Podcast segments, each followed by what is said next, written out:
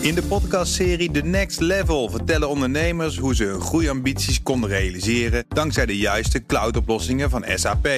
Wat waren de uitdagingen, de oplossingen en hoe ging de uiteindelijke implementatie? Benieuwd naar hun verhalen en hoe zij met behulp van SAP ook hun toekomstige ambities kunnen behalen? Luister de podcast The Next Level via de BNR-app of je favoriete podcast-app. Dit is een podcast van BNR Nieuwsradio. Hartelijk welkom bij de te- Technoloog nummer. 134. Oké, welkom Ben van den Burg. Welkom Herbert. Yes. En we hebben... We hebben Tom van de Ven. Hallo. Hallo, hartelijk welkom. Je werkt bij Society en je bent, eh, als ik het uit mijn hoofd goed zeg, senior test engineer. Ja, test consultant. Test consultant. Test consultant. Inderdaad, inderdaad. Oké, klopt. dus jij houdt je bezig met het testen van digitale producten. Onder andere digitale producten, maar eh, eh, ook veel in high-tech omgevingen. eh, fysieke producten zelfs. Dus een heel breed palet eigenlijk aan testactiviteiten die we doen.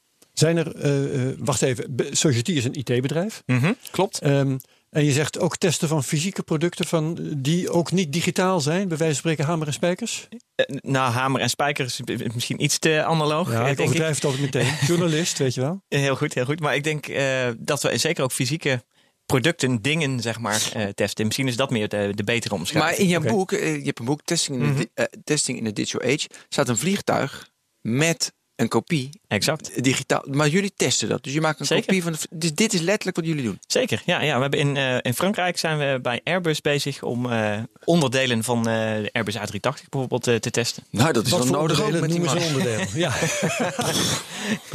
Slecht gedaan, man. het is nog geen Boeing, hè? Ik het zeggen, de- de- ja, nee, dat, dat valt nog mee. Ja. Maar concreet, wat voor onderdelen? Eh, de vleugels eh, zijn we mee bezig. We, we hebben ja. ook in het eh, vliegtuig kijken we naar ehm, beugeltjes tot, eh, tot ook software. Ja, nou, dat, is, dat lijkt me fantastisch werk. Maar fysiek ga je dan kijken of een moertje er is, er geen beschadigingen erbij. Ja, nou, je, je kan je bijvoorbeeld voorstellen dat je zo'n vleugel, een achtervleugel gaat ontwerpen van een Boeing of een willekeurig vliegtuig. Dat je die eerst digitaal ontwerpt. Want je kan niet vanuit ja, wat plaatmateriaal een vleugel gaan bouwen en dan hopen dat die vliegt. Ja. Dat, is, dat is, ja, kun je wel doen, maar dan eh, heb je een hele hoop trial and error nodig en het kost heel veel tijd. Dus wat je vooral ziet is Ja, dat we heel veel. van. Ja, maak een model van. eh, gaan we krachtberekeningen doen, temperatuurberekeningen doen. Allemaal simulatie. En vandaar ook het plaatje voor op het boek, inderdaad, dat je een, Ja. eh, eh, een, een wireframe ziet van een vliegtuig. En op die manier kun je, eh, voordat je überhaupt maar de eerste klinknagel hebt gezet, kun je eigenlijk al testen of Ja. dat die vleugel het zou gaan Ik wou net zeggen, dan praat je dus over het testen van een fysiek product. Mhm. Maar het testen is digitaal. Exact, ja. Ja. Terwijl ik me ook eh, iets kan voorstellen als het fysiek testen van een digitaal product. Bij wijze van spreken een iPhone eh, een valproef Ah laten ja, valproef, trilproef, zeker. Ja, eigenlijk Ja. Dat, dat zijn ook wel dingen die bij ons langskomen. Want dan zit je wel meer in, in de, de, ja, wat noemen ze hard hat industry. Eh, Hard hat met de HAT. De, de, de, eh, de, de, de helmen, ja, precies. helm, precies ja. exact. Bouwvakkershelm. De, de helmen waarin je echt in, in bouwomgevingen zit, eh, eh, olie- en gasindustrie, dat Ja. soort dingen. hey, grappig, leuk. Ehm, leren we meteen al dingen. Mhm. Ehm, waar jouw boek, als ik het mag samenvatten, over gaat, dat is hoe anders het testen van producten is geworden in het digitale tijdperk. Dat is, Sinds een, er digitale producten zijn. Dat is een prima samenvatting. Ja, en dat, dat is interessant. En eigenlijk wou ik die vraag meteen maar bij jou neerleggen.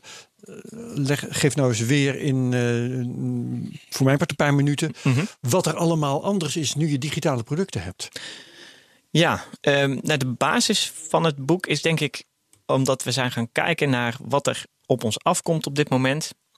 eh, in termen van eh, informatie. Want heel veel wat je doet met testen is uiteindelijk het verwerken van wat informatie. Uiteindelijk, de essentie van testen is dat je wil weten of een product eh, doet wat hij moet doen. Je verzamelt dus informatie. Om Je verzamelt beginnen. informatie daarover.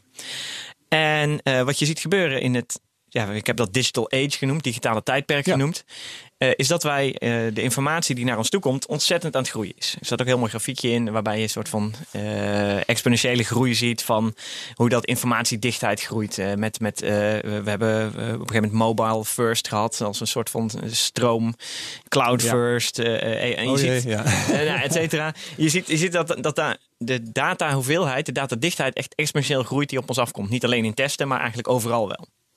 En eh, ik denk dat dat een van de grootste ja, keerpunten is zeg maar, op dit moment om eh, te gaan kijken van hoe verandert testen dan? Want we deden testen voorheen ehm, heel, ja, zal ik zeggen, reactief. Hè? Je hebt een Mhm. product nodig als je een auto wilt testen. Een hele auto. Heb je eerst een hele auto nodig om een botsproef te kunnen doen.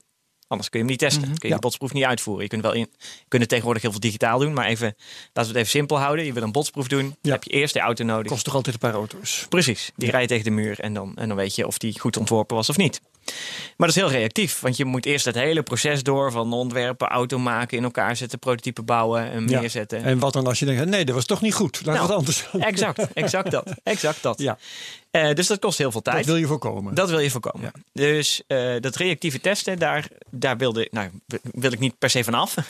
Ehm, Nee, ik denk dat we dat industrie vanaf. Ja, ze willen in ieder geval naar een hele kortere tijdscycli toe. Ja, precies. En je wilt ook vooral eh, als, dat fysieke testen van, van een auto, dat is dan een goed voorbeeld. Mhm. Ehm, daarvan wil je eigenlijk in het ideale geval dat de uitkomst is: oké, die, die auto was goed. Precies. We hebben hem weliswaar een beetje stuk gemaakt, maar hij ja, is zo veilig als we wilden dat hij zou zijn. exact. En dat wil je, je wilt dus eh, minimaliseren dat daar iets uitkomt waar je vervolgens, eh, waardoor je vervolgens helemaal opnieuw moet beginnen. Precies. Dus je wil, je wil er echt voor zorgen dat die ene fysieke test die je uitvoert, in dit geval eh, de botsproef van een auto, dat dat puur een formaliteit is. Ja. Dat die bewijst dat alles wat je ervoor gedaan hebt, inderdaad aantoont dat die auto veilig is om in te rijden, om op de weg te kunnen. Ehm, maar goed, dat is nog steeds dat reactieve testen. Hè? Daar, daar Ja, zaten precies. we net. Daar wouden we vanaf. Eh, daar daar Dus- willen we eh, in zekere zin vanaf. Je, je moet die fysieke test overhouden. Want uiteindelijk willen mensen toch vertrouwen hebben in een product. En dat gaan ze voorlopig denk ik nog niet Ja. krijgen in puur dus digitale een, testen. een hele hoop ander soort Juist. testwerk daaraan vooraf gaan. Exact, exact. Dus dat, Ja. zullen we, eh, dat, dat willen we gaan doen. En eh, een van de dingen die eh, we aan het toevoegen zijn aan dat fysieke testen, dat reactieve testen, is test monitoring, test monitoren. En dat is eigenlijk, eh, en dat gebeurt al heel best wel veel, aan een product punten toevoegen, waardoor je heel veel data krijgt uit het product als het gebruikt wordt. Dus eigenlijk is je product al in gebruik. De auto rijdt al, of het vliegtuig vliegt al, of een eh, computergame eh, wordt gespeeld. Ja, daar heb ik wel een beetje bezwaar tegen. Want Ja. eh, we wilden nou net, eh, die auto moet getest worden voordat hij Ja. op de weg is. Dus je Ja, maar moeten zeggen, dat die auto rijdt doen? al. Ja, ja, ja, ja, dat is waar, dat is waar. Maar je wil eh, de volgende auto die je ontwikkelt, daar gaat het de fabrikanten nu, om, nu over. Hè? De Ja, auto's. Ze hebben al auto's rijden, Ja, dat is wel waar. Maar zij willen toe naar de er zijn volgende. altijd al auto's die al rijden. bijvoorbeeld. Ja, Zo is of het. producten. Ja, Ja, dus bij de. Ja, maar goed, als je nu een auto maakt, Mhm. heel veel auto's, 9 van de 10, die zijn nog niet helemaal met IoT helemaal volgehangen.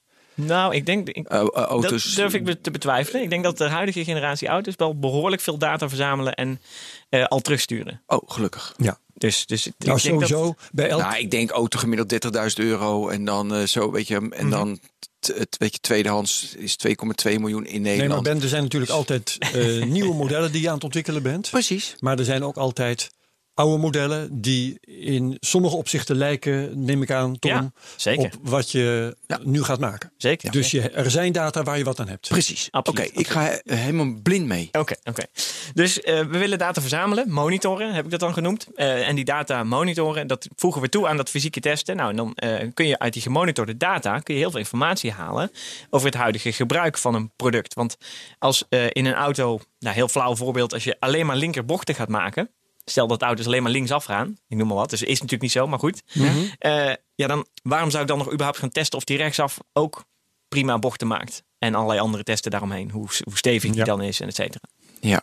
Dus dat kun je afvragen. Dus als je het hebt Dus over tijd de, ja, ja, reduceren. ja. dus als hè? uit de data zou blijken dat eh, auto's alleen maar eh, linksaf gaan, dan eh, ga je het testen van die andere richting ga je elimineren. Nou, of minimaliseren niet, op, Ja, op ja, zijn ja. minst. Want stel dat één iemand toch rechtsaf gaat. Nou ja, dan wil je dat ook wel afgedekt hebben. Maar, maar, dus daar kun je bijvoorbeeld dit soort dingen uithalen. Dus dat is Ja, maar dit interessant. vind ik, is voor mij nog wel een theoretisch verhaal. Want bij een auto, Mhm. weet je wel, alleen maar links of hij doet bepaalde dingen, vind ik best nog wel ver weg. Ja, Een vliegtuig weet ik. ja. Dan ben ik gelijk mee om. Oké, oké. Maar nog dichterbij.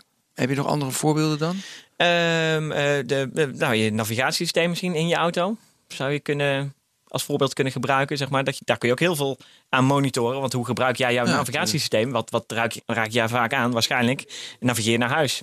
Nou, dat zal een van de functies zijn die het meest gebruikt, vermoed ik. De helft van de gevallen. Ja. Ja, op, op zijn minst eh, de, helft ja. van de gevallen. Eh, maar er zullen functies in zitten die je misschien ooit één keer instelt. En daarna, nou prima, ik ben helemaal blij met mijn instelling. En eh, eh, het is goed genoeg zo. Ja, oké. Dus dan heb je dat eruit gehaald. Ja. Dan weet je van, Ben gaat altijd naar huis. Dus dat is de belangrijkste knop die Precies. voor het naar boven moet en heel makkelijk moet. En dat hebben we dan Ja. getest. Nou, en die moet het vooral altijd doen. Als jij je ja. auto opstart eh, eh, en eh, of opstart, ja, nou, tegenwoordig start je auto's ook op, denk ik. Maar als je auto start dan, en je navigatiesysteem start en hij loopt vast op die knop, ja, dat is vervelend. Want net op de plek waar jij zit, die, die, waar je normaal nooit komt, je moet naar huis, je weet niet waar je heen moet, dat is vervelend. Ja. Dus dan heb jij geen prettige ervaring met het product meer. Ja. Dus je wil dat dat soort dingen eigenlijk altijd ja, foutloos gaan, het liefst. Ja, maar dat, dat is wel het onderdeel wat Herbert, wat jij net zei, dat is daarna. Want dan hebben we eh, dus het al. We zou, zouden Ja. nog die auto maken. Ja, ja, ja. Nou, eigenlijk, eigenlijk waar ik naartoe wil, is ik wil die tussenstap, die monitoringstap, is eigenlijk maar echt een, echt een tussenfase. Is maar heel ja, klein en kort wat mij betreft. En ik wil eigenlijk naar meer een voorspellende eh, kant toe van testen. Want uiteindelijk, eh, wat we een beetje al doen met dat, eh, ja, nou, wat we het net over hadden, over dat vliegtuig, die vleugel, die doe je eerst helemaal digitaal ontwerpen en simuleren, in, in allerlei Ja. simulaties zetten. En eigenlijk probeer je te voorspellen wat voor situaties in het echte vliegtuig terechtkomt en hoe dat je vleugel daarop reageert. Turbulentie, Turbulentie, eh, blikseminslag, eh, Ja. regen, eh, noem het maar op, zeg maar. Ja, vogels. Ja, nou precies. Dat, ja, voor motoren is dat heel relevant, in- Ja. inderdaad. Dus eigenlijk wil je toe naar een soort van eh, voorspelling dat je misschien wel die hele fysieke crashtest, waar we het er straks met de auto over hadden, dat je die uit zou kunnen schakelen. Als wij genoeg vertrouwen hebben in de voorspelling, ja, dan, Ja. dan heb je die niet meer nodig. Hè? Als wij genoeg vertrouwen hebben in de, in de weersvoorspelling, ja, dan eh, ga je of niet een rondje hardlopen als het eh, onweer eh, losbarst. Of eh, ja, je wacht eventjes, eh, et cetera. En als je daar genoeg vertrouwen in hebt, nou, dan, dan, eh, ja, dan ga je het niet uitproberen, zeg Ja. maar. En lukt dat ook? Dat lukt nog niet. Nee. Denk ik. Nee, nee, dat is iets waar we naartoe moeten. Dus dat is echt wel de stip op de horizon die ik heb proberen neer te zetten in het boek. Ja. Oké, ehm, nou hebben we eh, het tussen de regels door hier toch veel over fysiek testen. Mhm. Eh, dat, is, dat is één ding natuurlijk. Maar eh, als het erom gaat, wat, wat is het verschil tussen vroeger, toen je alleen maar hamers en spijkers had en dinky toys en eh, fietsen met, met zonder fietscomputer. ja. En nu dat je wel digitale producten hebt, dan is er dus toch ook software die als zodanig getest moet worden. Zeker. Is dat een belangrijke component, eh, lijkt mij wel, van het testen in het digitale tijdperk? Ja, ja, ja, dat, ja, met name dat. Deugt de software wel? Deugt de software wel? Natuurlijk kijken we al heel lang naar. Meestal niet natuurlijk. Nee, we vinden regelmatig eh, eh, Ja. ja. fouten in software, of fouten in applicaties, fouten in, in apps op je telefoon. Ja. Ehm, de digitale tijdperk kenmerkt zich, denk ik, door dat je met al die software, al die eh, eh, soms ook embedded software, als je het meer over eh, echte producten, navigatiesystemen en auto's hebt, heb, je, heb je die dingen ook. Ehm, dat we dingen kunnen gaan combineren. Mhm. Want het is niet meer alleen maar dat ene stukje software van die ene app op je telefoon. Nee, nou, als we dan weer die auto toch maar als voorbeeld nemen. Ja. Het is waarschijnlijk de app die communiceert met je auto. Die data daarvan ophaalt. En die dan iets laat zien in je app. Waar jij weer op reageert. Waar je iets mee wil doen. Eh, eh, en het leuke is, je ziet nu. En dan komen we een beetje op de categorie eh, IoT, Internet of Things-achtige producten. Daar is eigenlijk die, die combinatie. ja, die, is, die, die is richting oneindig aan het gaan. Van wat je allemaal aan elkaar kunt knopen. Aan elkaar kunt koppelen. Ja. Ik zag, volgens mij was het ongeveer twee jaar geleden nu op de, op de CES, was toen heel veel aandacht voor IoT-producten in de keuken. Eh, dus connected koelkast, connected oven, eh eh, et cetera. We zullen het nut daarvan nu even niet ter de- discussie stellen. Nou ja, precies. Het, bestaat, er wordt over Het gepraat, bestaat, het er wordt gemaakt en het wordt getest. En het wordt getest. En het, eh, maar ik, ik zag één voorbeeld langskomen. Die vond ik heel interessant. Ik denk, wat, wat, waar- nou, waarom? Dat is eigenlijk die, de vraag die je ook al stelt. Eh, eh, er was een automerk en die had samengewerkt met een eh, nou, keukenfabrikantmerk. eh, of van, van producten in keukens. En die kon vanuit de auto met eh, een voice assistent. hem al aankomen. eh, kon hij de oven eh, aanzetten in zijn keuken voor laten verwarmen als hij wegreed. Door te zeggen, nou, start de oven op eh, 180 graden en Ja. hij moet warm zijn als ik thuis kom. Oké, waar begin je als producttester? Is dan de, Ja, mij de ja vraag de, keten aan dingen, ja, dat is, dat is eindeloos natuurlijk. Want je hebt natuurlijk, je hebt die ene, is dat één auto, één type auto? Of zijn het alle auto's van het ene merk die dat mogen doen of kunnen doen dadelijk? En reageren die dan allemaal hetzelfde of niet? Ja. Eh, dan heb je nog die ene oven, of zijn het de oven, de vaatwasser, de afwasmachine, de, de, de koelkast, et cetera. Nou, meestal heb je daar ook nog wel meerdere types van. Eh, maar wat nou als eh, fabrikant A dit helemaal heeft helemaal uitgedacht met eh, één autofabrikantmerk. En dan komt fabrikant B en die zegt, nou, ik, kijk eens, ik heb ook een connected koelkast. Wil graag met jullie meedoen. ook, nou, ni- niet eens. Nee. Je kunt hem kopen, je kunt hem installeren en die praat ook in de keuken met apps en dingen. En laat nou toevallig daar eenzelfde soort communicatie. Eh, eh, Protocol. protocol eh, heen en weer gaan als met, dat, met die eerste fabrikant. Zonder dat ze dat van elkaar weten. Dat hebben ze niet. Ja, ze kunnen natuurlijk wel afkijken bij elkaar, eventueel. Maar stel dat ze dat nou niet gedaan hebben. En toch zit daar oh, oh, ja, overeenkomst. En dan gaat een beetje data ook vanuit die nieuwe koelkast die hele stroom in, die hele keten in. Maar die interpreteert het heel anders. Dus dan zeg ik wel vanuit mijn auto, nou, start, eh koelka- of, overstart eh, 180 graden. En mijn, mijn koelkast gaat, nou, misschien niet naar 180 graden, maar, maar die gaat iets raars doen of zo. Ja. En eh, eh, nou, dat is maar één combinatie. En dat, dat, dat kan zich natuurlijk oneindig gaan uitbreiden. Je huis kan Ja. helemaal vol staan met connected Ja. producten. Maar hoe eh, pak je nou zo'n zo, zo een testproces Mhm. helemaal aan? Hoe pak dit je is het beschrijven van wat er gebeurt, maar hoe Ja. pak je zo'n testproces aan? Eh, een testproces wordt vaak gebaseerd op risico's. Want je wil weten waar ligt het hoogste risico. En daar moet ik de meeste eh, eh, aandacht aan op vestigen. Energie insteken. En de ja. meeste energie insteken. En uiteindelijk wil je, heel simpel gezegd, testgevallen schrijven. Beschrijven voor eh, de, ja, de testcases, testgevallen die je uit wil voeren. En Ja. eh, als je een overzicht hebt van, nou, laat het simpel houden, functionaliteit, functionaliteit van je product. Dan kun je nou, een lijstje aflopen. Van nou, hij moet, eh, een oven moet kunnen opwarmen naar zoveel graden. Het minimaal aantal graden. eh, hij heeft zoveel knoppen. Elke knop doet dit. Nou, dat kun je allemaal aflopen. En dat is eigenlijk een soort checklist maak je dan. Dat is de meest simpele ja, situatie van een, eh, van een testgeval beschrijven. Maar je wil ook scenario's gaan beschrijven waarin, nou, in dit geval die oven eh, eh, opereert, uit, ja, dingen, dingen doet. Dus dan ga je beschrijven dat je inderdaad een gerecht in de oven gaat zetten. Die moet gaar uit de oven komen als je hem zoveel minuten op zoveel graden hebt staan. Nou, dat zou een hele mooie testcase zijn. En zo kun je er ja, een hele serie bedenken die uiteindelijk die lijst met requirements zo goed mogelijk afdekt. Nou, dat is functionaliteit. En dan heb je ook nog niet-functionele dingen, non-functionals, zo gezegd, zoals ja, performance, eh, respons, connectivity, Gebruiksgemak. ge- gebruiksgemak, inderdaad. Ja, dat zijn andere aspecten die je dan eh, ook beter kunt gaan pakken en kunt gaan zeggen, nou, daar wil ik veel aan. Ik wil gebruiksgemak, vind ik belangrijk, want het product moet fijn eh, in gebruik zijn. Dus, dus het daar eerste wat je onderscheidde, was eigenlijk de vraag: doet hij wat hij moet doen? Exact. En het tweede is: eh, doet hij dat ook goed op een prettige manier? prettige manier. En eh, ja, voldoet hij aan de niet-functionele zaken die ik ook, Ja. nog, ook nog definieer. En dan is natuurlijk, ik neem aan dat dat ook een onderdeel is waar je aandacht aan moet geven. Wat kan er misgaan? Exact. Ja. Je hebt, dat is ook een mooi onderscheid wat je kunt maken tussen de happy flows en de unhappy flows. Eh, uiteindelijk de functionaliteitsbeschrijving pak je. Nou, als je die afloopt, dan weet je dat hij doet wat hij moet doen. Maar ja, wat nou als ik allerlei rare eh, dingen ga uithalen? Als ik vijf knoppen tegelijk in ga drukken? Dat staat nergens beschreven. Wat nou als ik heel snel op één knopje achter elkaar ga drukken? Ja, kan die, kan die daarmee overweg? Snapt hij dan dat hij eh, die andere vijf keer eh, moet skippen of niet? Of, Z- Zijn daar standaard procedures voor in het testwezen? Of moet je bij elk product dat je in handen krijgt zelf dit soort waanzinnige scenario's opnieuw gaan bedenken?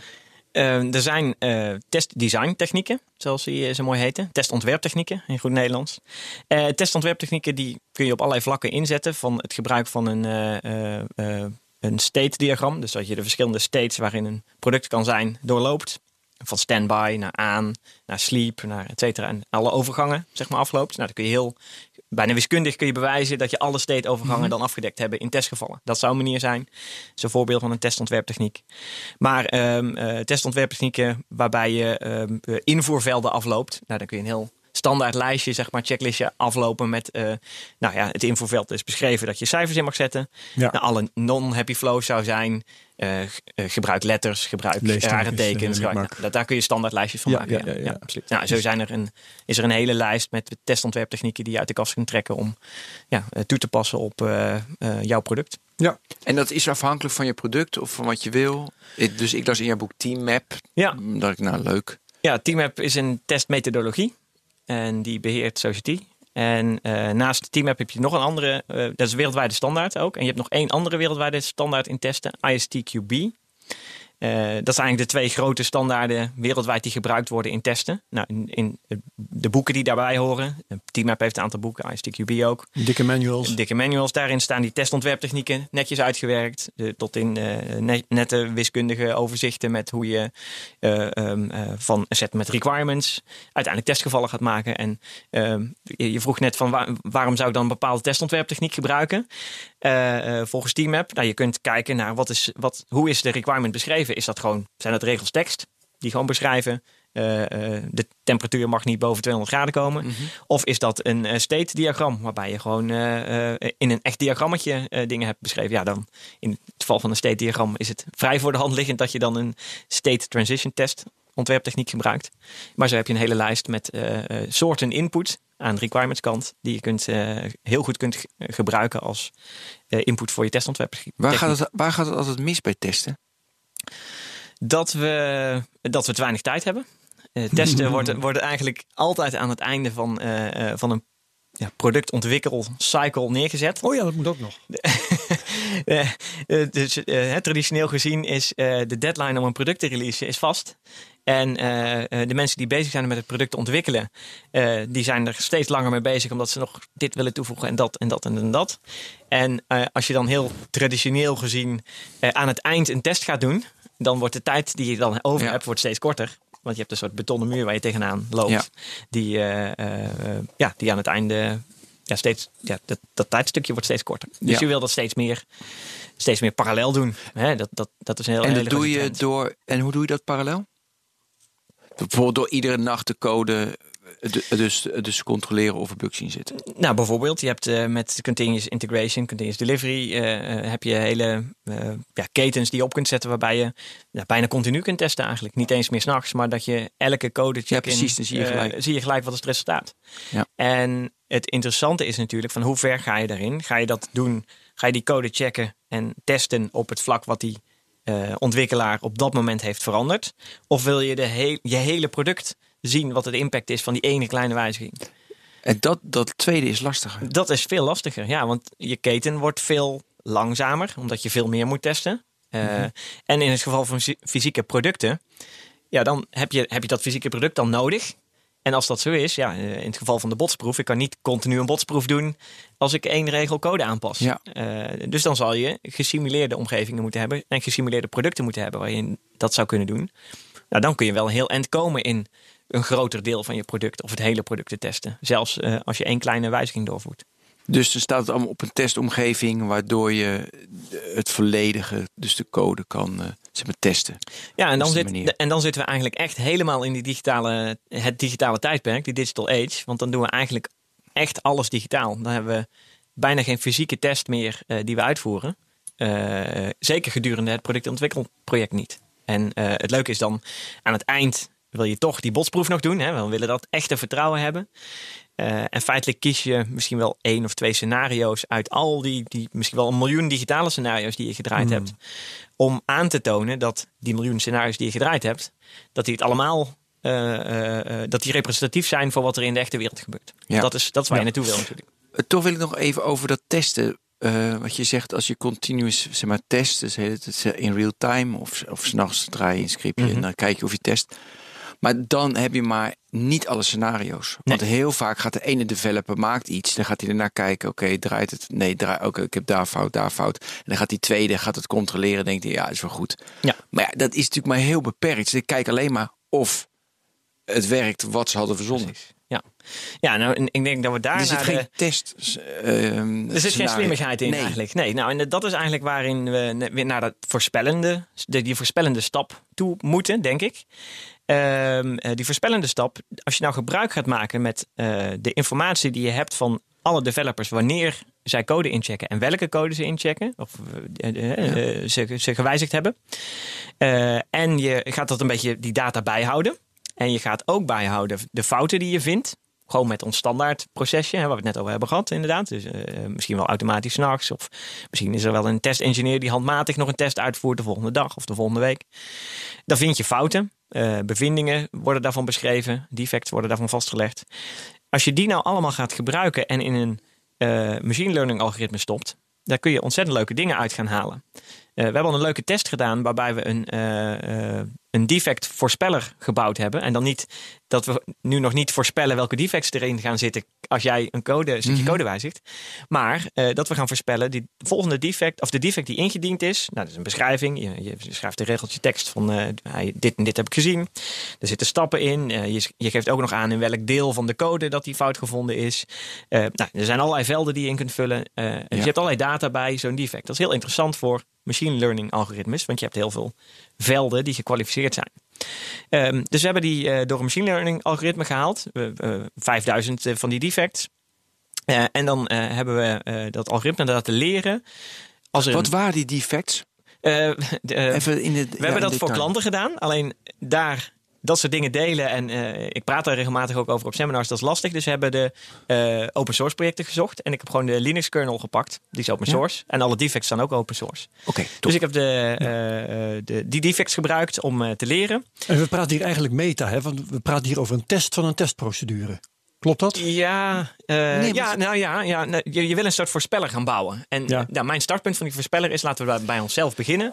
Laten we eerst eens de defectvoorspeller bouwen. En dan in dit geval de ernst van een defect wil ik gaan voorspellen. Ik wil als, als eh, een van jullie een defect indient, dan weten we nog niet, of hebben we nog niet met z'n allen besloten, hij is eh, kritisch, want morgen bre- breekt de brand uit als je hem, het product gaat gebruiken, of hij is cosmetisch. Even zwart-wit, heel Ja. simpel. Ja. Dus als ik nou een voorspeller bouw, en me- meestal kost dat heel veel tijd om het daar eens over te worden. En je hebt natuurlijk gradaties daartussen. Eh, en dat bepaalt of die defect opgelost moet worden morgen of niet. Dus ik dacht van nou, daar kunnen we al tijd mee besparen door te gaan voorspellen dat als iemand een defect indient, dat op basis van nou, de velden die ingevuld zijn, dat die defectvoorspeller zegt, met 70% zekerheid weet ik dat dit een kritische defect is. Of niet. Nou, dat is handig, want dan eh, eh, eh, heb ik er, eh, deze week heb ik er 50 binnengekregen. En ik ga nu plannen voor volgende week wat we gaan oplossen. Dan pak ik dat lijstje erbij en dan zet ik er meteen achter wat kritisch Ja, is en wat niet. Snap En dan, en, en dan zitten we met vijf man bij elkaar en dan zit, lopen we dat lijstje door. En dan zegt iedereen, oh ja, ja, ja, ja, ja. Oh, wacht even, waarom staat hier kritisch? Dat geloof ik niet. Ja, Want het is niet 100% zekerheid. Het is 70% zekerheid. Ja. Of 80 of 90 misschien wel. Ja. Maar dat scheelt onwijs veel tijd. ja, wat ik dan nog wel he- heb, dat is mooi. Het is een heel Mhm. mooi voorbeeld. En dat, maar is dat een, eh, een pokje, een probeersel? Want dat hangt ervan af waar de defects, weet je, hoe vaak dat voorkomt, of het een beetje schaalbaar is en of je het Ja. generiek kan gebruiken. Nou, een of, defectsherkenner. het, het valt of staat met de hoeveelheid defects die je hebt om te leren.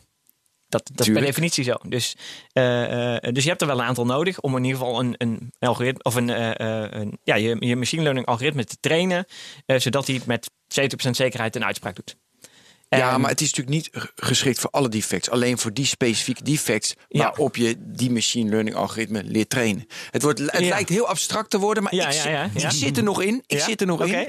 Ik doe mijn best. Heel goed. Ehm, dus, maar dat is natuurlijk voor een specifieke case. Ja, Want ja. als ik een andere defect bij een andere case, bij een andere app of bij een andere auto. Nou, absoluut, absoluut. Ja, je Snap- leert hem voor, voor, eh, eh, voor één omgeving. Ja, Ja, dat maar is, als daar je je. Ja. Hoe groot moet je omgeving zijn dat het rendabel is om dat te doen? Ah, nou, dat, dat valt reuze mee. De-. Je kunt dat echt eh, binnen een paar dagen met 5000 defects heb je je eerste voorspeller gebouwd. Dus dat is, dat is Ik weet helemaal niet hoeveel defects normaal zijn per dag. nee, als je ja, een dat is maakt, maar- ja, bij een vliegtuig is dat weer heel anders dan bij. Dus dat dat, is dat is ook dat vergelijken is ook heel lastig. te Jeetje, maken. dit was wel even wat abstract, eh, Herbert. Ja, dat Heerlijk, maken we jongens. mee. Goh, nou, dat maken we helemaal niet op berekend. Nou, hadden we niet voorspeld dit. Het concreet worden. Ja. Ja, Ehm, want eh, wat ik wel leuk vind om te behandelen, maar dat gaat meteen ook, eh, denk ik, een groot deel van de resterende tijd opsoeperen. je, in, in je boek beschrijf je een systeem van five hops. Mhm. Vijf, vijf hops, Ja. kunnen we ook gewoon zeggen. ja hoor. Ehm, leg dat uit. Ja, wij wilden eigenlijk een soort van ja, een, eh, een eh, plattegrond maken. Een, eh, een flight plan hebben we het genoemd. Een, eh, soort vluchtschema. Van hoe kom je nou van het huidige eh, uitvoerende reactieve testen. tot uiteindelijk dat helemaal die voorspellende manier van testen. Wat, wat we net heel lekker abstract eh, eh, besproken hebben, zeg maar. Eh, dat hele the- theoretische verhaal. Hoe kom je nou van, van A naar B? Simpel gezegd. En we hebben daar eh, een aantal tussenstappen in gedefinieerd. Van nou, daar moet je naar gaan kijken. En omdat we het over een soort vluchtschema hadden, hebben we dat hops genoemd. Omdat, nou, sowieso omdat stappen en omdat allerlei andere woorden al lang een keer gebruikt waren. En je hops in vluchten en zo ook wel hebt. Nou, eh, vandaar de hops. Oké, het werkt, ja. Het werkt. Eh, de vijf hops zijn kijken naar eh, test automation, test automatisering. Kijken naar data, kijken naar modellen, het gebruik van AI en vervolgens eh, eh, voorspellend worden. Dat zijn eigenlijk de vijf hops die we onderscheiden. Eh, en dat zijn eigenlijk aandachtsgebieden. Dus het is niet zo dat je nu per se bij hop 1 eh, moet beginnen, dat helemaal door moet lopen, helemaal volledig volwassen in moet zijn. En dan pas mag je aan hop 2 beginnen. Zo is het niet. Eh, maar we vinden wel dat er voor elke hop moet je een bepaald niveau van volwassenheid hebben. Om uiteindelijk dat voorspellende, die voorspellende activiteiten te kunnen doen. Of zelfs de volgende stap beter te kunnen doen. Dus als je van Ja. eh, eh, uiteindelijk willen voorspellend worden. Dus de eerste hop voor ons was testautomatisering. Want als je voorspellend wordt, zul je waarschijnlijk heel eh, wil worden, zul je zeker ook met machine learning en, en AI in gedachten, zul je heel veel cycli moeten doorlopen om te kijken of dat je ja, je zelflerende, je, je voorspellendheid van modellen uiteindelijk goed zijn of niet goed zijn. Dus moet je heel vaak testen uitvoeren en heel veel dezelfde testen Ja, uitvoeren. en dat automatiseren, dat kan eh, bij software is dat eh, vrij duidelijk. Ja. Eh, die kun je softwarematig testen, dus dat valt te automatiseren. Bij Mhm. fysieke producten dan kwam ik ook ergens tegen Ja. het begrip digital twin. Ja. Maar dat, is, dat is in feite een model in Ja. de computer waar je dan vervolgens digitaal op gaat slaan en beuken om te kijken of, het, Absoluut. eh, of het het houdt. Ja, ja, we hebben zelfs een digital twin van een olietanker gemaakt. Nog op Kijk. een redelijk hoog niveau.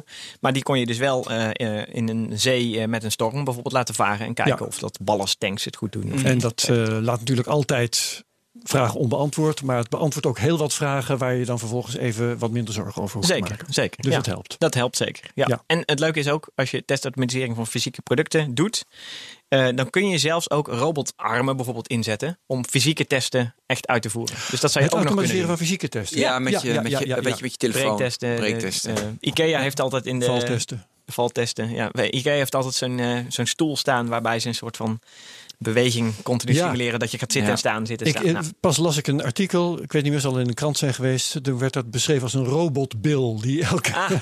5000 Ja. keer of nog veel vaker op een Gaat eh, stoel zitten. ging zitten. ja, ja, exact. Nou oké, dus dat is duidelijk. Eh, hop 2. Hop 2, data. Nou, we hadden het natuurlijk dus straks al over eh, dat monitoren, het verzamelen van data. Dat is ja, eigenlijk essentieel, zeker als je het... We hadden het net over dat machine learning, eh, AI-deel. En dan praat je over meer dan alleen maar de data uit hop 1? Of hè, waar komen die data verder nog vandaan? Ja, je hebt, je hebt inderdaad twee soorten data, namelijk testgerelateerde data. Ja. Eh, dat kunnen testgevallen zijn, waar we het toen straks over hadden. Het kan de testresultaten zijn. Hè, is iets goed of fout gegaan? Dat kunnen die bevindingen zijn, et cetera. Eh, en je hebt data uit je product van het gebruik, waar we het toen straks ook al over Oh ja. hebben. Eh, gebruikersdata, wie, welke knop wordt nou het meest gedrukt, Ja. bijvoorbeeld. Precies, Tesla weet er ook alles van. Hè? De Ja. grote stromen data komen daar binnen van Absoluut. al, dat, al die ritjes. Ja, ja, van ja. Ben. zodat ze steeds beter leren. Dramatisch op dit moment. Hebben we het vorige week over. Hebben we een andere keer over gehad. Ja. Ja, ja, ja, ja, ja, ja. ja. dat is ook interessant hoe, dat getest zou, zou moeten worden. Maar ja. Oh, nou, maar, maar dat mag tussendoor. Nee, dat mag tussendoor, jongen. Dit mag zeker. We onderbreken deze uitzending. uitzending even voor. Hoe slecht met 219? Ik heb- zit op 2019, 16, 3-2 nu. Ja, Nou, ik heb het een paar afleveringen terug gezegd. Het is een drama. ja, Het is ja verschrikkelijk, deze versie. Precies. Ja. ja, dat is Dus, interessant. hoe, Dus, hoe had het wel gemoeten? nou, hoe had het wel gemoeten? Ik, wat ik eruit haal, eh, als ik dan zo hoor, als ik jouw verhaal dan ook zo hoor, inderdaad over de dramatische versies die uitgebracht worden en meteen een versie die daarna en, Ja. en die net zo Drie- dramatisch drie- is. twee weken. podcast gehoord. Ik heb hem geluisterd. Ja, ik heb ja, geluisterd, zeker. Ja. Ik ben bij. Ehm, Luisteraars kunnen dit nu ook even doen. ja, en dan even terug hier, weer, hier weer oppakken. Ja, oké. Tom, ga je gang. Ehm, eh, dus dan denk ik gelijk, oké, dus het mechanisme van testen bij, in dit geval, zit hem veel meer in, eh, we, we pushen zo snel mogelijk nieuwe features of veranderingen naar onze gebruikers toe. En dan kijken we wat er gebeurt. We monitoren wat er gebeurt. En als al die gebruikers helemaal eh, eh, eh, ontevreden zijn Ja. en gaan piepen, zoals jij nu doet, Dan heel weer duidelijk, een nieuwe. dan, ja, maar dan weten ze in ieder geval, oh, dan, dit, dit deel was niet goed. Ja, maar waarom niet? Met AB-testen doe je dat ook. Ja. Gewoon een kleine groep. Een kleinere groep die gaan dus piepen. Want ik zit in al die forums. En echt, eh, we hebben zo... Alle forums zijn aan het piepen. Ja, alle forums piepen. Ja, maar luister eens even, Tom. Ehm, eh, je kunt het heel eh, handig vinden en efficiënt om dingen zo in het wild te testen. Mhm. Maar ehm, daar eh, cirkelen zeker als het om auto's gaat wel wat ethische vragen omheen. Ja, ethisch, en, eh, maar ook vanuit Tesla. Is dit geaccepteerd in de testwereld? Het is een beetje een gebied. Kijk, als het in de medische wereld zou zijn, zou het niet geaccepteerd worden. Nee. Bijvoorbeeld. Hè, Je hebt de, de, Ik de heb FDA ben ook in Amerika. zeggen, dit is volkomen onveilig. Ja, op, op Ja. dit moment is die onveilig. Ja, ja nee, het vraagstuk is, en dat is dan een beetje meer de automotive wereld, die is natuurlijk, komt ook vanuit, nou ik zal niet zeggen conservatieve testomgeving vandaan, maar die waren natuurlijk gewend om met botsproeven en zo een typegoedkeuring af te geven voor één auto. En die kon tien jaar lang rondrijden. Maar nu, ik- nou ja, Ben, maak Ja, het mee. maar Kan je elk moment kan jij je auto zodanig updaten precies, dat die heel anders is. Ja, dat die anders is. Maar goed, dus Tesla komt uit de software. Ja. Dus hij ziet het meer als een telefoon. Ja, En daar push je natuurlijk ook gewoon nieuwe software. En dan Exact. werkt hij niet. En, Exact. en dan duwen er nog eentje achteraan. En dat maakt allemaal Ja. niet uit. Alleen wat, wat mij. Wat ik raar vind, Mhm. maar dat ze het niet bij een kleinere groep doen. ja. Ja, ja, Dat vind ik echt zou, gek. Zoiets zou ik dan op zijn minst ook verwachten. Dat je Die er ook een- voor een- getekend heeft dat ze proefkonijnen Ja, zijn. Bijvoorbeeld. Ja. Ja. Nou, en het grappige is, je ziet dat in de gaming-industrie heel sterk. Hè? Je hebt daar, eh, je hebt niet alleen beta-testen, maar ook nog daarvoor kunnen mensen eh, zich, eh, zich, zich inschrijven zelfs voor Ja. een, eh, ze noemen dat dan preview. Sterker nog, soms kun- moet je er zelfs voor betalen om dat te mogen doen. Oh. Dat is geweldig. Dan heb je betaalde testers gewoon. Maar in elk geval teken je dan allerlei disclaimers. Exact. En dan, dan ga jij vast uitproberen of eh, nou, dat alles soepel loopt en dat je overal, nou, et cetera, et cetera. En dan geven ze allemaal feedback over wat er beter moet. Vinden ze geweldig om te doen ook. Hartstikke leuk. Eh dat zou je met auto's zou je dat ook kunnen doen. Hoewel je dan bijna. Je, je had vroeger had je test. eh, eh, nou, die heb je nog steeds coureurs. Eh, Ja. eh, Ja. Je hebt ook testpiloten voor vliegtuigen. Maar nee, die maar heb wat je ik nou zeg, bijna niet meer. Maar ik zeg gewoon, ja, dus eerst 10%, dat lijkt me het beste. Ja, ja, ik zou vooral kijken van kan ik dat hele digitale stuk met een digital twin en zo zodanig inrichten. Maar dat doen ze al, hè? Ja, dat hoop ik wel. Maar je ziet dus dat er toch Maar blijkbaar hele dingen. erover, ja. Iets toch- anders toch- is trouwens, ja. ehm, volgens mij hebben we dat in BNR Digitaal een keer eh, behandeld. Dat ehm, eh, toen ging het geloof ik over het, eh, ik zal maar zeggen, jailbreken van, van je auto om, daar Ah. dan, eh, om hem dan zelfrijdend te maken bijvoorbeeld. Mhm. Daar waren wat, wat softwarepakketten voor in omloop. Ja. Die zijn intussen geloof ik weer verdwenen. Maar toen heeft, eh, hoe heet dat ook weer, de Rijksdienst voor het Wegverkeer gezegd van ja, dat, dat gaat niet door. Want de- als je een auto op deze manier behandelt, dan moet je hem eerst helemaal opnieuw laten keuren. Exact.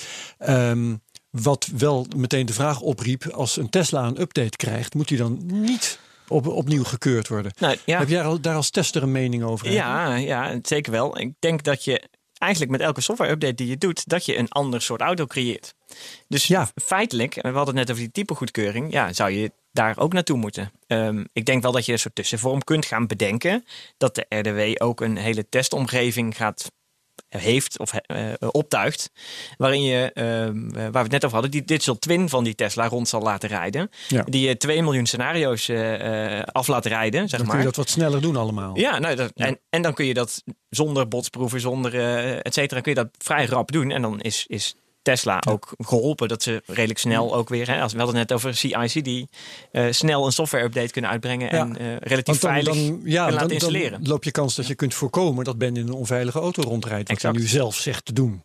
ja, ja, dat is dus wel Nou ja, dan interessant. moet je hè, gewoon dat- uitzetten, autopilot. Weet je, dus dan is, dan is een normale auto. Alleen Ja, ja, als ik rij ja, op ja, ja. een navigation, Dat is waar het om eh, gaat. NOAA heet dat, ehm, navigation on autopilot, Mhm. dat moet ik niet doen. Ja. Want volgens mij zitten er ook disclaimers in, in die Tesla die zegt dat als jij de autopilot aanzet, dat, het dan, dat jij nog steeds op moet letten, toch? Ja, nee, klopt. En ik moet armen Dus- sturen, ik moet het Ja, allemaal netjes ja doen. exact. Dus in zoverre Ja, is het een onveilige auto. Ja, ja, je bent nog steeds zelf Nee, kijk, verantwoordelijk. nee, waarom, dus- waarom is die onveilig? Omdat je iets anders bent gewend en nu is die, is die gevaarlijker. Dus denk ik, oh, nu moet ik weer opletten. En ik hoefde minder op te Ah, letten. Oké, maar, is- maar stel nou dat jij daar een auto huurt en in een andere auto stapt. Oh, dat is vervelend als ik in Dat de auto van mijn vrouw stap. Ja, als ik in de auto van mijn vrouw Ja. stap. Dat is, Laat je echt steeds het stuur los. dat is echt vervelend, is dat. maar het ja. mooie is, dat is een even, even privé-ding. Dat is een Prius plug-in. En als je daar uitstapt, dan blijft hij rijden. En mijn Tesla, als ik uitstap, gaat hij automatisch op P. Moet je ook testen. Ah, oké. Dus ik heb al twee keer gehad dat ik uitstapte, reed die auto naar voren. Heb ik dus van voren heb ik dus een, een, een kras. Want ik reed tegen een vangrail aan bij Schiphol. Dus, dat, maar dat is zo gek, hè? Je bent zo gewend, ja. Nou, oké. We waren aan het hoppen. Ja, Ja, we data, hebben geloof ik twee. Het tweede hebben we was data verzamelen van data. Eh, precies, is we hebben data. Nou, hebben- we hebben data nodig om uiteindelijk die eh, eh, eh, machine learning algoritmes te voeden. En om inzicht te krijgen in eh, nou, de slimme plekken waar we moeten gaan testen. Eh, dan komen we bij die derde op, modellen. Ja. Eh, daar zitten we ook een beetje in die digital twin hoek. Want digital twin is natuurlijk gewoon eh, een model, model, eh, van, een, van een fysiek ding. Maar zou ook van, als je het hebt over meer kantoorautomatisering zou het bijna een heel model kunnen zijn van een hele keten van een verzekeraar of zo, zeg maar. Ja, van van ja, ja, app tot backend tot eh factureringen, you name it. Eh, dat kan het ook zijn. Daar kun je ook een digital twin van maken. Een, eh, een heel applicatielandschap, maar dan digitaal. Ja, ja. Nog, nogmaals, en daar kun je ook testen in uitvoeren. Eh, eh, containers en virtual machines zijn hele mooie, eigenlijk hele mooie digital twins al. Die, die zijn er eigenlijk al. Ja. Ehm, eh, dus die modellen, eh, die eh, wil je inrichten en die wil je ook eigenlijk wil je die meer gaan gebruiken dan dat we nu doen. Omdat we toch vaak geneigd zijn naar fysieke dingen toe te gaan. Zeker in die high-tech industrie willen we heel snel fysieke dingen zien werken. Omdat dat te vertrouwen geeft, blijkbaar. Eh, maar ja, je moet een beetje, als je goede modellen maakt en een goed proces inricht, dan kun je daar ook best wel vertrouwen uit tanken, denk ik. Nou, dan als daar het volwassenheidsniveau op een bepaald level is dat je eh, machine learning er aan toe kunt gaan voegen, dan zitten we in die vierde hop, vierde stap. AI. AI gaan we toevoegen en daar kun je twee kanten uit in testen. Je kunt namelijk AI toevoegen aan testen, testactiviteiten. We hadden het net over die slimme voorspeller van defects. Eh, je kunt ook op een gegeven moment laten bedenken, nou hier moeten testen uitgevoerd worden en daar niet. Misschien kan die zelfs wel zelf testcases laten genereren. Dat hij zelf gaat bedenken. Hmm, misschien moet ik hier een testgeval van maken. Misschien is dit bad weather scenario interessant. Ja, en, en, en ook originele testscenario's. Juist, dat juist. je wel, weet je, want jij komt op vijf keer klikken. Ja. Maar ja, ik kom niet op zes keer klikken. Exact. En hij Exact denkt, hé, hey, dat moet wel. Ja, juist dat. Juist dat, inderdaad. Precies dat soort, dat soort gekke dingen, zeg maar, die, wij, die patronen die wij Die wij niet kunnen verzinnen. niet kunnen verzinnen. Laat, laat die maar eens door een AI bedenken en, en eh, ga daar eens mee aan de gang. Wat, wat vinden we dan? Dat is natuurlijk een heel interessante tak eh, van sport. Dus dat is AI in, in testen. En de andere kant is, ja, eh, we krijgen allemaal AI-producten om ons heen. Die moet je ook testen. Hoe doe je dat dan? Dus dat zit ook een beetje Ja. opgesloten in deze hop. Want we waren gewend om, eh, als ik op een knop druk om de lift naar boven te krijgen. en de lift komt naar boven. Dan zeg ik, nou, Vink, hij is eh, ge- ge- gepasseerd deze test. is goed gegaan. De lift is naar boven gekomen. Maar bij AI is het zo, misschien dat, die, dat je, je hebt ook zo'n heel mooi voorbeeld van eh, liften. Eh, volgens mij konen, liften hebben liften die met elkaar praten en die heel veel data Voor optimaliseren van het aantal mensen dat je van A naar B krijgt ja, maar ook voor onderhoudsmonteurs en zo, zeg maar, die dan Ah. zelf gaan bellen. Volgens mij was Ja, het een ik app, geloof ik. Ja. Ja. nou niet eens ik ben kapot. Ik, dat zij merken dat, hey, ik ga langzamer naar beneden dan dat ik normaal ga. Eh, dat is vreemd. Ik weet niet waar het door komt. Ja, hij, hij zal niet nadenken, die lift, maar hè, Ja, ja, eh, denk even, eh, zo zou je mee kunnen denken. En dat hij dan zegt, ja, eh, eh, onderhoudsmonteur, als je langskomt, ik ga langzamer naar beneden. Misschien moet er iets met lagers, met gewicht. Ik weet het niet wat, wat er dan mis zou kunnen zijn. Daar moet je naar kijken. En die onderhoudsmonteur krijgt dan in, kan echt appen. Ja. Appgeschiedenis terugkijken ook. Van hey, hoe, hoe- is dat nu erger geworden of niet? Oh, misschien moet ik er nu al even meteen heen. En niet wachten tot ik er volgende week langskom. Want dit ziet er niet goed uit. Leuk. Eh, dus dat, dat soort dingen zou je kunnen gaan doen, zeg maar. Maar eh, om terug te komen op die knop. Stel dat je die AI in die lift hebt zitten. Die zelf bepaalt of die omhoog komt of niet. Als ik op de knop druk, omdat jij in je eentje staat en er staan boven staan er nog vijf mensen, en dat, dat weet hij. Ja. Ehm, nou, misschien vandaag komt hij wel eerst bij mij terecht, omdat hij dan een optimale route heeft bedacht. Maar morgen heeft hij geleerd, ja, wacht eens even, er staan boven staan er meestal vijf mensen, dan ga ik eerst naar boven. Dus Ja. morgen zou diezelfde test niet slagen, want ja, die lift komt niet, althans, hij komt later.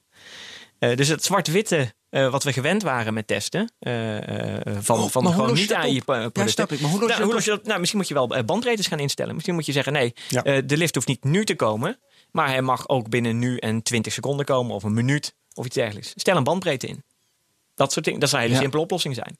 Ehm, eh, je zou ook kunnen zeggen, nou, en dat noemen we dan een soort frozen AI, dat je eerst een heel algoritme leert, iets, maar dat je hem niet bijleert.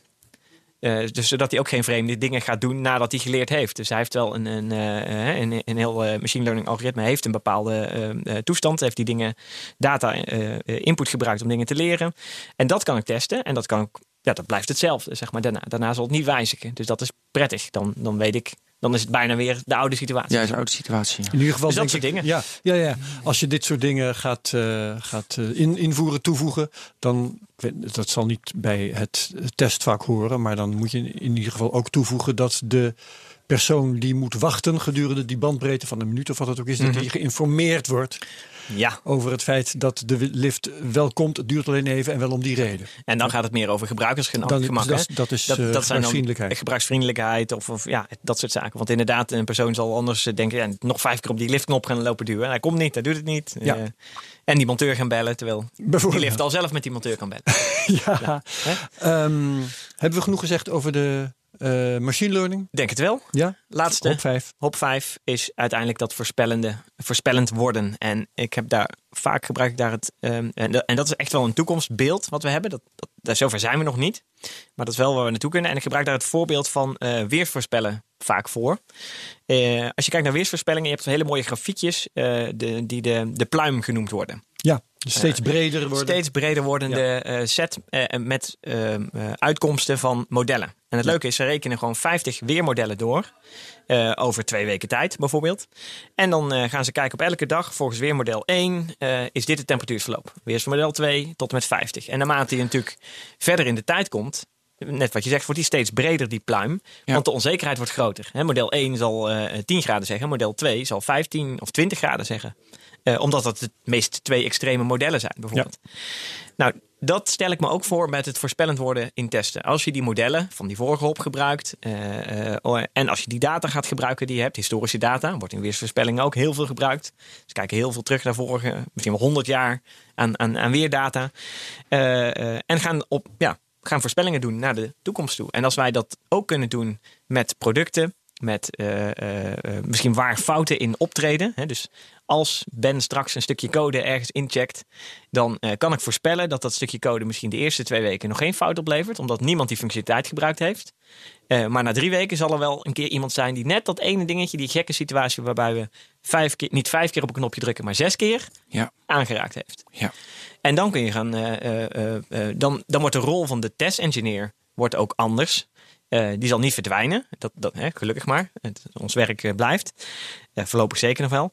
Eh, maar hij wordt eigenlijk de, ja, de weersvoorspeller, zeg maar. hè. Want je De moet weerman. uiteindelijk de weerman eigenlijk, ja. ja want die, die 50 modellen, ja, welk van die 50 is nou het meest waarschijnlijke? Nou, die weersman, in dit geval testengineer denk ik, eh, zal, zal dan dat ene model uit moeten gaan kiezen. Waarvan hij denkt dat dat de meest waarschijnlijke is. Ook Ja, en er werkt misschien- twee kanten op natuurlijk. Want die modellen die voorspellen wat er gaat gebeuren. Maar tegelijkertijd als het eenmaal gebeurd is, dan zegt het iets over hoe goed de hoe modellen goed de zijn. modellen zijn. Ja, En kun je daar weer in gaan selecteren. zeker. Ja. zeker, zeker. Kun je een case vertellen waarbij echt is. Dus, dus, dus, dus testautomatisering, data, die modellen, AI en dan voorspellen.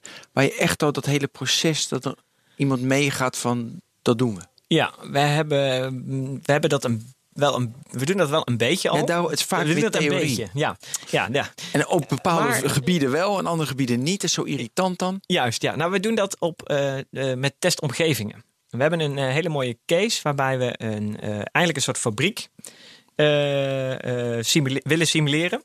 Eh, waarin machines staan. Of dat nou robotarmen zijn of eh conserveblikjes makers of iets dergelijks. Dichtglasinstallaties. installaties of wat ook. Dat maakt even niet uit, zeg maar. Stel je een fabriek voor eh, eh, waarin een machine staat die, eh, eh, waar ook nog eens een, eh, een, een paneel op zit waar je 100 knoppen op hebt die je allemaal in kunt stellen. Ja, maar even.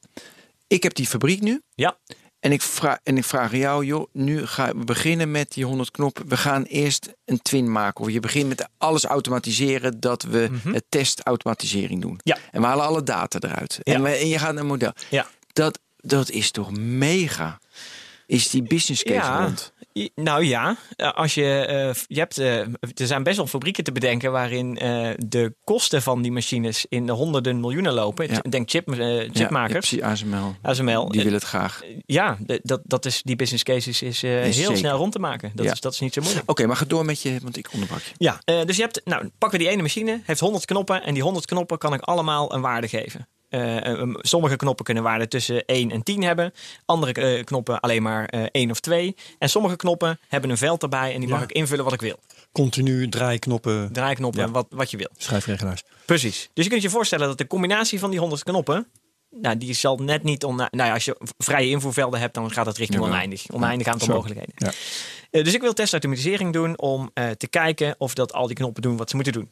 Want dat is makkelijk. Dan kan ik ze allemaal aflopen. En dan ga ik alle good weather scenario's doorlopen. Dat, dat kan ik doen. Dat is prima. En dan hoef ik dat niet met de hand meer allemaal aan die knopjes te zitten en dingen in te voeren. Dat is fijn. Dus dat, dat, dat doen we. Maar vervolgens er staat er ook software op die machine. eh, die die knopjes vertaalt in nou, blikjes maken of eh, dingen stanzen of ja, je- verzin maar wat. Eh, of wafers maken. Etiketten eh, wat je plakken. wil. Ja, ja, ja, ja. Ehm, eh, en die vertaalslag die moet gemaakt worden door een stuk software. En die software wijzigt. Want Ja. ja. er worden fouten gevonden. We willen een snellere machine maken die op basis van de bestaande machine eh, verzin maar wat. Eh, en die eh, wijzigingen worden doorgevoerd. Maar die fabriek die heeft niet één machine, die heeft er wel twintig staan. Ehm, dus, en dan komen we een beetje in de situatie waar we het net hadden van ja, moet je niet eerst een kleine groep uitrollen om te kijken wat er gebeurt? Want die fabriek, de, de eigenaar van de fabriek zal zeggen, ja, maar fabriek draait prima. Het loopt lekker. Waarom wil ik een software update? Die wil ik helemaal niet. Want dan gaat het misschien wel mis. Eh, Oké, oké, goed. En dan heb je niet één fabriek, maar er zijn eh, misschien wel tien fabrikanten die ook die machines hebben staan. En elke fabriek heeft zijn eigen recept met die 100 knoppen. En op die manier eh, wordt het interessant voor de, de hops te doorlopen. Want dan gaan we naar testomgevingen kijken. Want ik wil dan een, een standaard set testen uitvoeren. Dat, dat kan ik doen, maar dan weet ik nog steeds niet of diezelfde test in fabriek 1 zal slagen. En in fabriek 2 zullen ze misschien iets doen wat niet in mijn testset zit. Dus ik wil die testomgevingen van al die fabrieken wil ik eigenlijk allemaal een keer opgebouwd hebben. En in al die omgevingen diezelfde serie testen uitvoeren. Nou, dat kost ontzettend veel tijd, heel veel moeite. Dat wil je eigenlijk helemaal niet doen. Eh, dus dat, daar zou je dus een, een digital twin van willen hebben, op zijn minst. Eh, maar ik wil ook niet van alle oneindige combinaties van knoppen testomgevingen bouwen. Dat kan niet. Daar heb ik ook geen tijd voor eh, om dat te doen. Dus ik wil toe, toe naar misschien, nou, laten we vijf testomgevingen definiëren. Maar welke vijf moeten dat nou zijn? Als je honderd verschillende fabrieken hebt ook nog eens. Dan hebben we eh, bedacht, nou dan gaan we een eh, eh, AI-algoritme gebruiken om van alle ehm, settings die we uit het veld halen, dat data verzamelen, te destilleren welke configuratie, welke combinatie van knoppen nou het meeste voorkomt of het meeste afdekt. En als je dat brute force doet, ja, dan moet je elke keer één waarde veranderen. Checken met al die eh 100 fabrieken. Eh, Zit die erin? Ja of nee? Nou, dat kost misschien wel 100 jaar of, of 1000 jaar of zo om dat te berekenen überhaupt, voordat je überhaupt een test uit kan voeren. En door nu een evolutionair algoritme in te zetten, dat hebben we gedaan, kun je eh, dit reduceren van die 100 jaar berekenen tot nou, minuten. Zo. Maar dan weet je nog niet 100% zeker dat je al die situaties hebt afgedekt. Nee, want je hebt ook lokale maxima die Exact. tegen kunt komen. Juist, ja. lokale maxima minima. Dat, daar moet je van bewust zijn. Eh, dus we kunnen wel zeggen, nou met 97% zekerheid dekken we al die fabrieken uit het eh, veld dekken we af.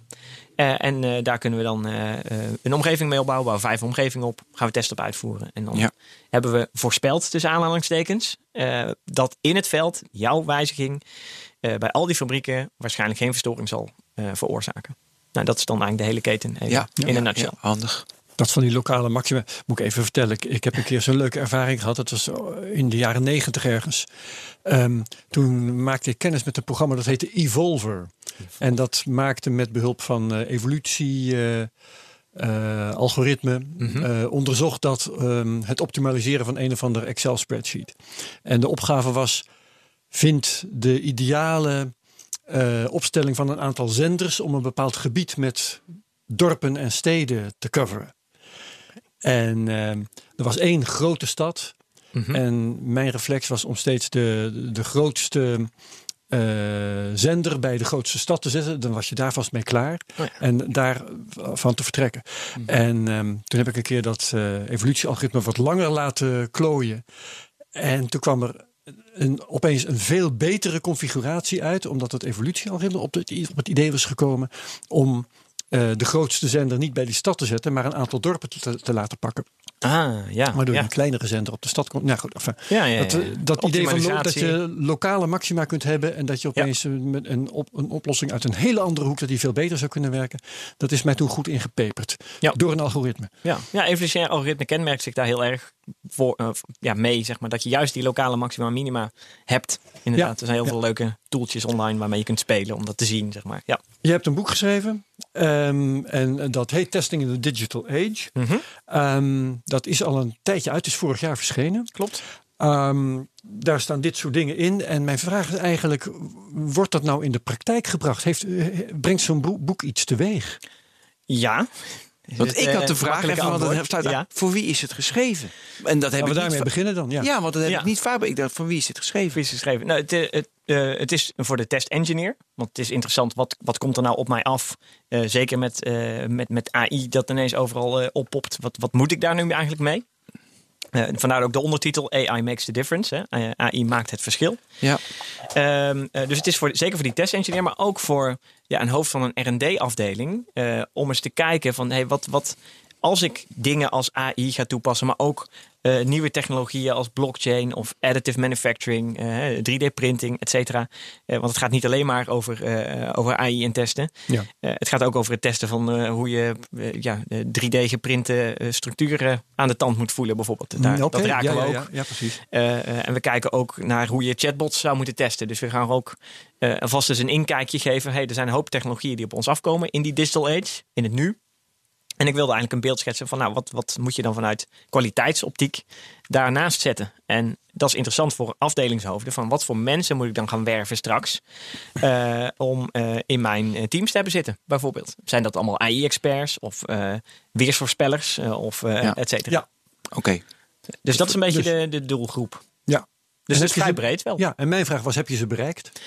Ik denk het wel. Eh, ik spreek ook redelijk veel op seminars het, het afgelopen jaar over, eh, over dit onderwerp. Eh, en dat varieert ook over de hele industrie. eh, alle kanten uit. Van de, van de medische wereld tot nou, de ESA aan toe zelfs. Dus, dus er wordt heel veel gevraagd naar van... Nou, vertel ons nou eens even over nou, de vijf hops. Hoe kom je daar dan toe? Ja, Hoe, kom ja, je nou ja. Van, hoe kom je nou tot dat voorspellende? Want dat, dat is blijkbaar toch wel heel interessant voor heel veel mensen. Ja, ik vind het nu heel erg. Ik denk, hey, dat is heel duur. Want als je gewoon een appie maakt, weet je, dan. pff, dat is een zeg maar, andere zaak. Dus ik denk, voor grote there, fabrieken. Je gooit het de wereld in. Ja, Ja. dus weet je, dus daarom. Maar goed, Ja, ja. uiteindelijk is het natuurlijk ook voor een appie maker ook voorspellen wat hij gaat doen enzovoort. En dat gebeurt trouwens ook wel. gebeurt, ja. bepaalde apps af. Ja. Ehm, vraag is die ik ook heb, heel vaak bij testen van, dan maakt iedereen een laag, zeggen ze. Hij doet het niet. Mhm. En dan is het natuurlijk altijd weer een, iemand anders, Anders de- schuldig. ja, Weet ja. je, dan is het die, dat ene snoertje daar. Maar je denkt, want je ziet het in je, eh, zeg maar, in je dashboard. Ja, Hoe los je dat nou op? Hele praktische vraag. Ja, ja, ja, dat je het, het, eh, vingerwijzen, zeg maar. Ja, je hebt Toch? een frontend en je hebt een backend. ja, ja, backend valt om, maar de frontend ja, Zegt doet het niet. En de frontend weet al van, nee, het is die backend die omvat. Ja, ja. Nou, ook daar zou je. Ik denk, we hadden dat hele abstracte voorbeeld van die, van die defectvoorspeller. Ik denk dat je ook daar, als je daar AI op los gaat laten, dan als er zo'n fout binnenkomt, kun je die voorspeller al eh, aan de gang laten gaan om te zeggen, nou, de fout zit nou, in de backend of in de frontend. Ja. Dan heb je een soort onafhankelijke eh, scheidsrechter, zeg maar, die ertussen kan gaan zitten. Eh, en die zal niet 100% van de gevallen gelijk hebben, maar heel veel wel. Dan En, moet en- je dus al die data verzamelen. Ja, zeker. Continu. Weet je Zeker. wat nu is? het? Oh, dan is het dat. Ja, dat klopt. Nou, eh, maar dat gebeurt al. Die, die, die data wordt wel verzameld. Dat, dat- ja, er wordt steeds meer verzameld. Jawel, maar dan ook iets mee doen. Op een Juist, goede ja, manier verzamelen. Ja, ja, ja, ja, ja, ja, ja, Maar jij ja, noemde ja, net- zeker. Tussen de bedrijven door de ESA. Mhm. En spits ik meteen mijn oren, want ik maak ook een podcast over ruimtevaart, Space Cowboys. Ehm, ehm, klopt het dan, dan dat de ESA nu aan het hoppen is, bij wijze van spreken, volgens jouw methode eh, ruimtevaartuigen of iets anders aan het testen is? Ja, we, we zijn wel samen in gesprek over, over eh, onderwerpen op dit vlak. Van eh, hoe kunnen wij eens een studie doen naar, eh, eh, ja, naar, dat, naar dat voorspellende testen, naar die modellen, naar die digital twins. Daar doen zij natuurlijk zelf al heel veel in. Ehm, en en dat vond ik, vond ik wel heel interessant als ik, toen ik met hun aan, in gesprek raakte. Is dat zij misschien wel op het modellenvlak, die, die hop van de modellen, zijn zij veel verder dan in, in alle industrieën die ik tegenkom. Oh, geloof ik graag. Ja, ja. Dat hadden ze zelf Eh, al lang bedacht. Dat hadden ze zelf al lang bedacht. Ja, ja, dat is niet zo heel raar. Daar is jou niet voor nodig. Nee, exact. Maar in, in andere stappen zijn, zijn ze dan weer minder ver of kijken ze daar heel anders tegenaan. En juist die combinatie dat je eh, nou, dus inzichten uit andere, andere industrieën eh, die ruimtevaartwereld intrekt, ja, dat vonden zij weer heel interessant. En Ja. ja, en, ja dit, de, volgens mij zelfs voordat het boek uitkwam, eh, een soort preview wilden ze toen al hebben om eh, ja, samen op tafel te zitten. Wat, wat gebeurt hier nou? Wat, wat is er aan de hand? Hoe kunnen wij dit gebruiken? Dus, dus daar zijn we wel mee bezig nu, ja. Ja. Interessant. Ehm, en wat, want dat is de positieve kant. Hè? Er Mhm. wordt dus naar, naar geluisterd, om zo te zeggen. En sommige, sommige elementen in de industrie hadden het zelf al bedacht. Leuk. Ehm, wat wordt er nou, eh, om het eh, wat anders te benaderen, wat wordt er nou nog te veel nagelaten, naar jouw idee? Ehm, Wat kan er beter? Wat kan er beter? Ik denk dat je vooral moet gaan kijken naar, die, eh, naar dat data verzamelen. Ik denk dat dat het is. We hadden het net eigenlijk een paar keer over. Ja, je moet de goede data verzamelen. eh, je moet het überhaupt verzamelen. Ja. En je moet er wat mee doen. En ik denk dat er, zo- ja, er wordt altijd geroepen, er zit zoveel waarde in data. Ja, maar dat in dit geval, in testdata, zit ook ontzettend veel waarde in. Eh, om voorspellend te worden, om, om, zo, om je hele proces zoveel te versnellen. Hè. We hadden het in het begin over dat uiteindelijk gaat het erom dat die fabrikanten willen hun time to market zo kort mogelijk maken. Ja. Dat is heel interessant. Ja, ik, ik denk dat je met data daar al een hele grote stap in kunt, eh, eh, kunt bereiken. Dus ik denk dat dat wel hele, hele belangrijke is. Het is apart dat niet, dat, dat zit niet zo in de mensen. Dus als je gewoon een tester hebt, weet Mhm. je, dan denk je, oh ja, ik test het, doet het wel niet. Maar ja, dan moet je natuurlijk, dan moet je, oké, zo laat getest, hij deed het wel, hij deed het niet. En dan moet je langere tijd data verzamelen. D- dat zit helemaal, dat zit niet in je. Want dat doen wij ook niet. Weet je, heel veel, weet je, hoeveel luistercijfers precies. Weet je, wij zijn ook makkelijk met data. Ik ook zelf. Ja, Ja. ik hou mijn slaapdata bij. maar daar echt, en, en mijn bewegingsdata. Oké. En nee. Maar weet je, het is best wel, je moet Waarom? veel met... Waarom? Wat? Waarom hou je dat allemaal bij? om eh optimaler, eh, om fysiek optimaal te voelen. Oké. Dus dan zou je kunnen vertalen in testen dat als je al die data verzamelt, dat je daar ook Precies. optimaal. Dus hetzelfde. Maar dat is, Ja. weet je, de, Ja. bij, het zit niet in de natuur van de mens om dat van nature te doen. Ja, Nee. ik, ik heb gesport, dus dan doe ik dat. Maar weet Ik je, voel, ik voel me fysiek veel beter als ik me niet met data hoef te houden. Nee, dus er zit zelfs een averside tegen bij, maar dat is best wel lastig. Ja. En dan is natuurlijk de vraag: kijk, jij moet, is dit, merk je dat dat testen belangrijk wordt? Want je zei te weinig tijd. Ik heb het idee wel, hè, als Ja. ik kijk een beetje in, in de markt, denk van ja, testen mensen voelen wel, dat is heel belangrijk. Absoluut. En er helpt zo'n boek bij, of wat moeten we nog meer doen? Nou, boek helpt. podcast maken, het Eh, ik. podcast maken. Dit, eh, de, de- blijven, de, ja, de discussie erover blijven aangaan. Dat, dat, er, dat je niet zonder kunt om een product te maken. Ik denk dat dat het ook is. Eh, Dit wordt misschien te makkelijk eh, over. Ik had een, eh, gisteren zat ik te lezen in de wat was het? Een games magazine. En die, da- daarin zat een heel leuk nieuw ja, game console dingetje. De Play. Play. Nou ja, een, goede. Het op nul zoeken. op het gebied van gaming. Geen Dus- idee. Die, die wordt gemaakt in, eh, volgens mij ergens in Silicon Valley vast wel. En er zijn een aantal, eh, man of tien zijn daarmee bezig. Die zijn een soort heel klein consoletje aan het maken met eh, een 1-bit scherm. Ja, ik Hartstikke hang, leuk. Ik hang aan je lippen. Hartstikke leuk. Ik denk, nou geweldig. Ik zat een beetje te lezen. Ik heb het nog niet helemaal uit, maar eh, eh, ik was er gisteren in begonnen. Ben kan En- het in een kwartier. Ja, ja. Nee, ik heb het gescand dus ook. Een heel boek- Gescand heb je net. hebt- Ja, ja, ja, precies. ja. Ga- sorry, ga verder hoor. En, eh, maar er stond een heel klein stukje in en dat viel mij gelijk op. Toen ik dat, want ik heb het dus niet gelezen, maar gescand. En ineens ging het over testen. En ik, oh, interessant. Wat deden ze dan? Nou, ze hadden eh, een test gedaan om te kijken of dat, eh, de, de temperatuurhuishouding eh, goed was. Ik denk, oké, dus hebben ze gesimuleerd en er mooie plaatjes van gemaakt. En ik denk, nee, nee, nee. Wat hadden ze gedaan? Ze hadden tien van die eh, eh, prototypes in een Tupperware bak gedaan. Daar hadden ze een programmaatje op gedraaid dat de, de, de hoogste hardware ja, piek zou belasten, Ja. zeg maar. De hoogste belasting zou eh, triggeren. Die hadden ze op het dak van hun gebouw gezet. Nou, dan werd het plat dak. werd het lekker heet, zeg maar. Dan hadden ze het een paar uur laten draaien. In de zon laten en daarna bakken. in de, in de zon laten bakken. En daarna gekeken welke eh, het vol hadden gehouden. Eh, en dat was in dit geval allemaal. En daar waren ze helemaal blij mee. En ik, ja, maar ja, dat is toch helemaal geen, dat is toch geen test? Want dan, ze hebben Je weet niet bedacht- welke temperatuur er bereikt je weet niet welke temperaturen. Ze hebben dat gedaan. Ze hebben het allemaal geslaagd. het is geen test, maar wel een heel goed verhaal. Het- ja, precies, precies. ook maar, belangrijk. Maar in dit Daar gaat het geval, om in een podcast. Juist, inderdaad. Maar in dit geval is dus... Ja, testen is, is ja, maar iets... Ja, we zijn met z'n tienen, we bedenken een console te bouwen. Ja. en dit is de test die we erbij doen. Misschien is dat gechargeerd gezegd nu, maar... Ja, ik, ik denk, ja, maar dan, dan maak je toch geen kwalitatief hoogwaardig product mee. Op die manier. dan ga je nog gekke dingen tegenkomen. Zelfs na een uur vind ik het nog steeds moeilijk. We gaan die console bouwen. Hoe zou ik nu voor een console bouwen? Tien jongens, weinig budget. Hoe gaan Ja. ze dat met hop helemaal doen? Denk ik.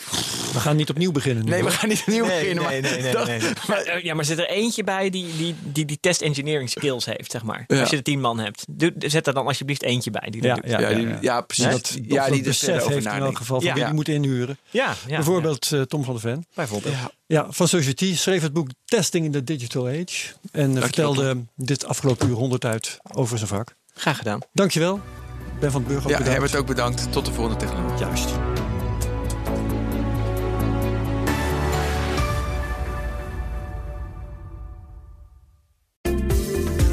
In de podcastserie The Next Level vertellen ondernemers hoe ze hun groeiambities konden realiseren dankzij de juiste cloudoplossingen van SAP. Wat waren de uitdagingen, de oplossingen en hoe ging de uiteindelijke implementatie? Benieuwd naar hun verhalen en hoe zij met behulp van SAP ook hun toekomstige ambities kunnen behalen? Luister de podcast The Next Level via de BNR-app of je favoriete podcast-app.